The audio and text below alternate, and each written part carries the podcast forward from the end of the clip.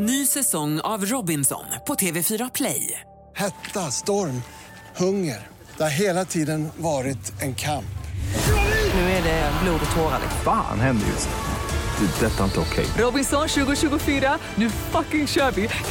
Streama söndag på TV4 Play. Du lyssnar på en podcast från Expressen. Ansvarig utgivare är Thomas Mattsson. Fler poddar hittar du på expressen.se podcast och på iTunes. Varje kväll undrar de om de kommer vakna på morgonen. Eller om de inte finns då. När de vaknar undrar de hur dagen ska bli. Om barnen kommer dödas. Men de vägrar fly. Vägrar fly från det de kallar Putins krig. Jag är rädd. De kommer skjuta mig och min familj.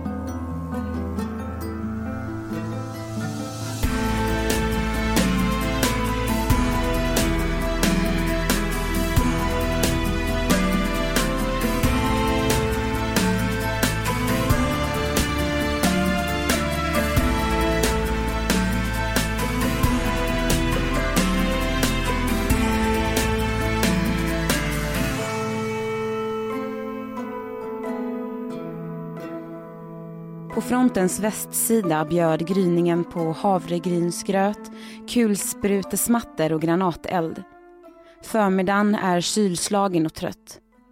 Jag sitter på ett betongblock utanför en skyttevärn i regeringskontrollerade Marinka. Värnet är täckt av ett kamouflagenät. Ska man in där för att skjuta halkar man i lera. Under ett korrugerat plåttak sitter Stefan. Han sträcker ut högerhanden mot en gjutjärnspanna med rostade solrosfrön, biter av skalen och spottar ut dem. Det är en bra sysselsättning i krig, tycker den ukrainska armésoldaten. Då har man något att göra. Tills det smäller. Bredvid honom står en rysk kulspruta med ett långt band av 7,62 mm ammunition redo. Två hjälmar vilar på en bräda, himlen är vit. Stefan reser sig och spanar i sin kikare. Rakt fram ligger Villagatans vägkorsning och ett fält. I andra ändan av fältet finns personer som strider i den självutropade Donetskrepubliken. Jag träffade en av dem förra veckan. Granitformade Alexander som pekade på sin mössa och sa att den var skottsäker. Lika kortfattat beskrev han förstörelsen i Donetsk som amerikansk demokrati. Han är posterad på den här delen av frontlinjen, den mellan Donetsk och regeringskontrollerade förorten Marinka och kan alltså finnas på andra sidan fältet just nu. Ungefär fyra kilometer bort i kikarriktningen ligger bunkern i Donetsk där fyraåriga Evelina bodde i ett och ett halvt år och blev traumatiserad. Där bor den gamle mannen som kokade bovete och frågade Hur tror du jag känner? Jag har förlorat hela min familj och kvinnan som sprungit under raketer och sa att det viktigaste i livet är livet. I slutet av fältet har de sina gradraketer. Ukrainska armésoldaten Vlad har kommit fram och berättar på sitt lugna sätt att det är den informationen han har om fiendesidans artilleri. Ett raketartilleri som hämningslöst slår ut hus, vägar, människor. Men oftast skjuter de med finkalibriga vapen och granatkastare. Jag är rädd. De kommer skjuta mig och min familj. Vlad tecknar åt mig att följa efter honom och vi skyndar oss längs Villagatan. Skyddsutrustningen är tung och svetten kliar. Mellan hus och i korsningar springer vi med nerböjda huvuden för att inte genomborras av bly från skarpskyttar. Mitt hjärta bråkar vilt i bröstet. Det känns som att jag befinner mig i ett vansinne. De skadeskjutna villorna ser tomma ut. Men det är bara som det ser ut. I flera av dem gömmer sig ukrainska armésoldater och vapenförråd. I andra finns civila. Kvinnor, män, barn. Som bor kvar. På frontlinjen. 11-åriga Milena dansar och leker längs en skyttegrav bara 50 meter från en ukrainsk arméposition. En skyttegrav som leder bort mot självutropade Donetskrepublikens positioner. Det är hennes hem.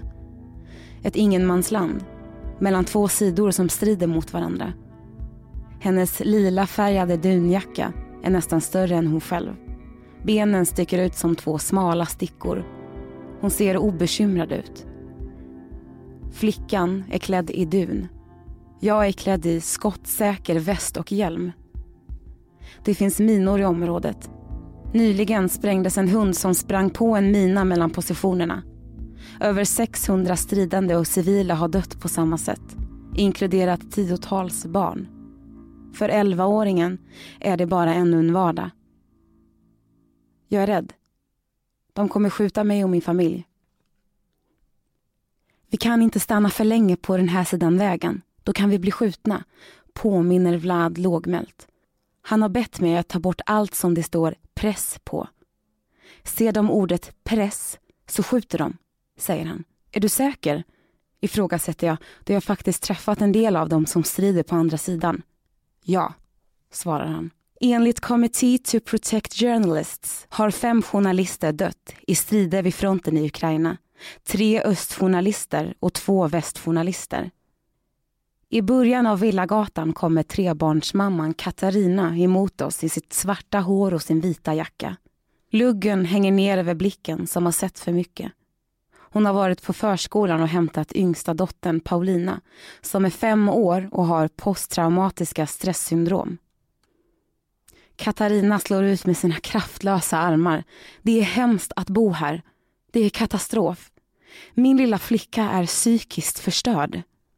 Förra veckan landade en granat på deras hustak. Hade den exploderat hade familjen inte funnits kvar. När det bombas gömmer de sig i ett hörn i det grönvitrandigt tapetserade vardagsrummet. Källaren är översvämmad så de lägger sig ner i vardagsrumshörnet och kramar om varandra. Katarina och hennes döttrar Paulina, Natasha och Dasha. Jag frågar dem hur det känns. Alla fyra spänner sig som pianofjädrar. Katarina svarar, vi känner skräck. Vi vaknar imorgon. Eller så finns vi inte då. Det är bara förtvivlan. Natasha, som är tio, tittar ner i golvet och börjar gråta. Det är väldigt skrämmande. Äldsta dottern, Dasha, som är 17 år, funderar innan hon får ur sig. Det är svårt att förklara känslan. Man ligger där och vet inte om det ska träffa huset eller floden. I det ögonblicket är jag mer orolig för mina systrar än för mig själv. Femåriga Paulina kan inte svara. Hon har tappat talförmågan. Före kriget var hon ett glatt och socialt barn. Nu försvinner Paulina in i rummet bredvid. Hon vill inte vara där det finns människor, håller sig nära väggarna, kryper ihop, biter samman käkarna, ögonen är stressade. Ett tag fick hon eksem över hela kroppen och var tvungen att gå naken för att kläderna gjorde så ont emot huden. En läkare har, förutom posttraumatisk stresssyndrom, ställt diagnosen psykos. Mamma Katarina har hittat ett sätt att hantera situationen. När Paulina hör minsta ljud gömmer hon sig under saker och gråter och skakar. Förut grät hon hela nätterna och försökte krypa djupare in i min famn. Nu får hon sömntabletter som är till för vuxna. Jag delar dem och ger dem både på dagarna och på nätterna. Det har gjort henne lugnare. Inne på köksbänken ligger många askar med olika lugnande tabletter. Jag vänder på dem och läser varningsetiketterna. Hur är det att ge din dotter sömntabletter? Katarinas smärta skär genom rösten. Det är väldigt plågsamt. Det plågar mig, inuti, i hjärtat. Familjens katt hoppar upp i vardagsrumssoffan. Den heter Mus. Katarina skrattar till med sitt slitna leende. En katt som heter Mus. Natasha har döpt henne till det. Skrattet försvinner lika snabbt. När man är fruktansvärt rädd så är det viktigast att kunna skämta, för annars orkar man inte. Hon fortsätter. En dag när jag hade hämtat Natasha från skolan vid halv två på eftermiddagen gick vi in i affären för att köpa bröd. När vi kom ut från affären och skulle gå runt hörnet in på vår gata började de skjuta. Både kulspruta och granater. Hade vi hunnit runt hörnet någon sekund tidigare den dagen då hade du inte haft någon att prata med idag. Katarina och Natasha låg och tryckte på vägen i 40 minuter tills det lät som något som verkade vara ett uppehåll. Jag skämtade och sa till Natasha om det här är det sista vi gör så har vi i alla fall bröd. Sedan rusade vi hem som tokiga. Jag sa till Natasha att jag älskar henne och när vi sprang ropade jag att hon måste hålla sig bakom mig hela tiden så att kulorna skulle ta i mig och inte i henne. Jag är rädd. De kommer skjuta mig och min familj. Men det är inte Katarinas värsta minne. Det värsta var när de den 3 juni 2014 satt i en källare i 13 timmar. Marinka hade då varit under den självutropade Donetskrepublikens kontroll men återtogs av frivilligbataljonen Azov som startades av en högerextrem ultranationalist men lockat till sig så många typer av stridande med stöd av ukrainska armén genom gatustrider. 49 dog, varav nio civila. Det går inte att förklara i ord, säger Katarina. Det är något man måste uppleva för att förstå. Men ni bor kvar här. Varför då? För att det är vårt hem. Vi lämnar det aldrig. Det är vårt fosterland. Barnen är födda här. Här finns vårt arbete och alla våra vänner. Hur skulle vi kunna lämna det och åka någonstans där ingen väntar på oss? Även 57-åriga Ludmilla har valt att stanna kvar i det som en gång var en lugn förort med omkring 10 000 invånare men som nu bara är en ledsam rest. Hon går förbi ute på Villagatan med en tygkasse äpplen. Hennes svarta mössa är kantad med ett vitt blommönster. Kinderna hänger tunga. Det här är vårt hem. Vart skulle vi ta vägen? Jag och min man och min son har bestämt oss för att inte fly. Vi blir bombade varje dag av Donetskrepubliken. Vi och soldaterna som är här försöker hjälpa varandra. Jag ger dem potatis och olja och de ger mig konserver. Det gör livet lättare. Och efter det som hände den 3 juni, inget kan bli värre än det. Vad är orsaken till det här kriget? frågar jag. Den frågan får Ludmilla att börja spotta som en hetsig kalasjnikov. Förrädare och de som är på Putins sida. Det är orsaken till det här kriget. Vår förre president Janukovic som blev vald 2010 är den största förrädaren. Hur kunde folket välja honom? Han var en rånare som satt i fängelse när han var ung. Och se hur det blev nu. Han rånade vårt land. Och nu skapas bananrepubliker i Donetsk och Luhansk. Jag berättar för Ludmilla att när jag pratade med människor i Donetsk så sa flera av dem att de strider mot nazister och fascister. Nu fräser hon ännu värre. Nazister och fascister?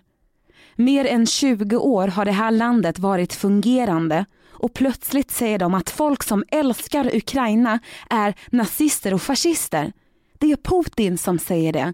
Det här är Putins krig. Och de som har mage att säga det här, de kommer hit, tar ut sina passioner och köper mat och sen åker de tillbaka och strider mot oss. På vilket sätt är det här Putins krig? Vi har alltid sett Ryssland som vår storebror, men han har huggit oss i ryggen. Ryska medier säger att det här är ett inbördeskrig, men det är det inte. Ryssar och tjetjenier och gud vet vad strider på andra sidan. Och rysk propaganda påstår att folk på den här sidan dödar barn. Ludmilla ställer upprört ner tygkassen med äpplen på gatan och insisterar på att ge mig fler än vad jag får plats med i händerna. Jag står där med de röda äpplena och undrar, men varför vill Putin ta den här delen av Ukraina? Varför vill Putin vara i Moldavien och i Syrien? Han vill bara vara en kejsare. Själv vill Ludmilla vara med i EU. Inte för sin egen skull, men för sin sons. För att han ska kunna resa till väst i framtiden och arbeta där. Det arga i hennes kroppsspråk lägger sig och förändras till något annat. Jag är rädd, säger hon som från ingenstans. Varför är du rädd? För att om Donetskrepubliken och ryssarna tar det här området så kommer de skjuta mig och min familj. Eftersom vi är för Ukraina. Jag är rädd. De kommer skjuta mig och min familj.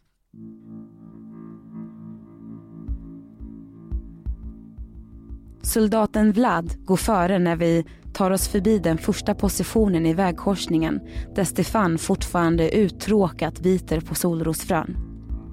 Vlad stannar upp och säger att nu måste vi kuta för här följer en öppen sträcka. När vi stannar med andan i halsen börjar en hund skälla. Det är Misha som har en husse som heter Sergi och en matte som heter Tatiana. Mitt emot deras villa finns en stridspostering. Deras verandafönster är sönderskjutet. När Sergi släpper in oss genom grinden hörs inkommande eldgivning.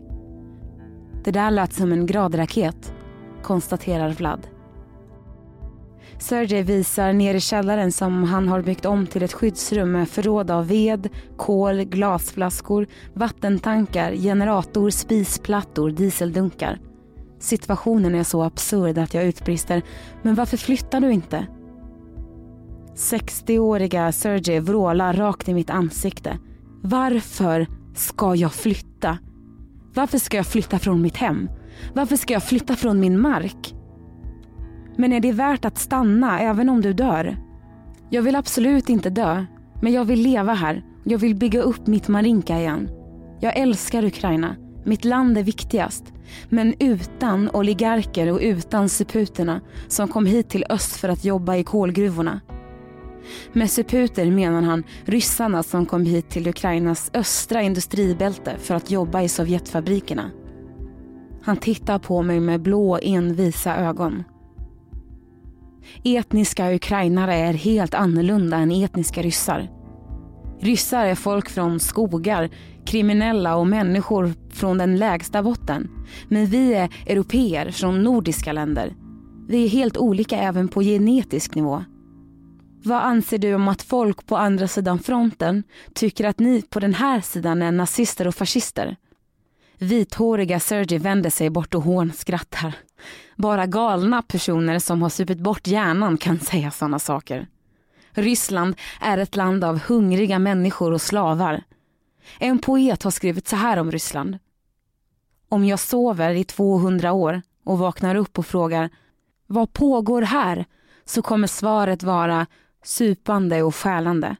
Men om du läser ukrainsk poesi så handlar det om sol och vackra saker. Tatiana, Serges fru, en 55-årig stilig kvinna med bruna ögon och röda läppar, kommer ner för källartrappan och bjuder upp oss i det fint inredda köket. Hon häller upp kaffe, iklädd sin svarta manchesterkjol, ställer fram kakor och talar på ett annat sätt än sin man. När jag stiger upp på morgonen och solen skiner och fåglarna sjunger och det är grönska. Det känns som att du blivit galen eller så har världen omkring dig blivit det. Hon drar upp axlarna i en förvåning. Som hon ännu inte efter två år förstår vad som händer. Kriget och naturens skönhet och lugn, särskilt på våren, det går inte ihop. Det påverkar mig så mycket. Speciellt på morgonen. Jag vaknar och så... Jag är rädd. De kommer skjuta mig och min familj. Under slaget den 3 juni 2014 var Tatiana och Sergej hemma. Tatiana ryser när hon tänker på det. Det startade som en jordbävning. Vi satt i källaren, men även där var det skrämmande och vi försökte gömma oss i hörnen. Hur kände du? I ett ord, Armageddon. Världens undergång. Jag kan inte hitta ord för det. Jag var jätterädd. Skulle man inte vara livrädd så skulle man inte vara normal. Idag arbetar Tatiana inom äldreomsorgen här i Marinka. Hon är sjuksköterska och säger att hon vet att civila lider lika mycket på båda sidor av fronten. Hon försöker leva ett så normalt liv som det går. På morgonen går hon upp och gör yoga. Sedan äter hon frukost och ger Misha mat. Hon tar aldrig bilen till jobbet. För i en bil hör man inte om det börjar skjutas lika lätt som om man promenerar. Efter jobbet gör hon det hon kallar typiska kvinnosysslor. Städa, tvätta, laga mat och förhoppningsvis så får vi sova om natten. Varför är det viktigt för dig att bo kvar i ditt hus? Tatjana breder ut sig en av sina livfulla gester. I vår ålder kan vi inte börja ett nytt liv och låta någon ta vårt hus ifrån oss. Jag skulle inte heller kunna ta med mig alla saker och vad skulle vi göra med Misha? Han är en del av vår familj. Vi äter kakor och pratar om hur kriget ska få ett slut. När kommer den här mardrömmen vara över, undrar jag. När Putin tar ner skylten. Det är avskummet, säger Sergej. Försök att agera civiliserat, avbryter Tatiana. Sergi invänder. Jag kan inte säga det på något annat sätt. Då får du åka härifrån. Skulle inte du någonstans? raljerar Tatiana. Nej. Nej, jag ska ingenstans. Han hävdar bestämt. Jag kan inte. Det är trots allt Putin vi pratar om. Tatiana serverar påtår på frontlinjen och ger ett mer drömmande svar på min fråga. Första maj får vi önska att kriget tar slut då. Det är vår önskan. När Sergej släpper ut oss genom ytterdörren smyger han först ut och lyssnar efter inkommande eld. Rynkorna i hans ansikte är slutkörda. Han låser upp och säger att han varit tillfångatagen av män från den självutropade Donetskrepubliken och fick sitta med ögonbindel på knä i tio timmar. Vi går ut mot Villagatan och han ber oss vara försiktiga. Jag är rädd. De kommer skjuta mig och min familj.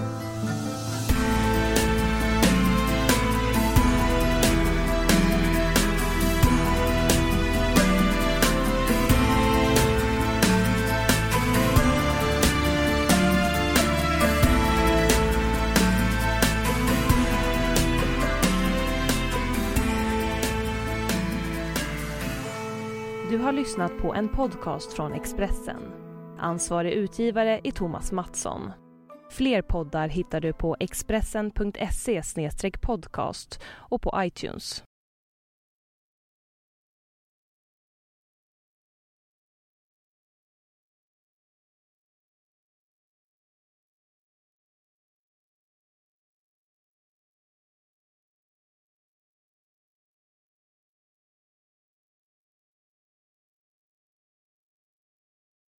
Ny säsong av Robinson på TV4 Play. Hetta, storm, hunger. Det har hela tiden varit en kamp. Nu är det blod och tårar. Fan händer just nu. Det. är Detta är inte okej. Robinson 2024, nu fucking kör vi! Streama söndag på TV4 Play.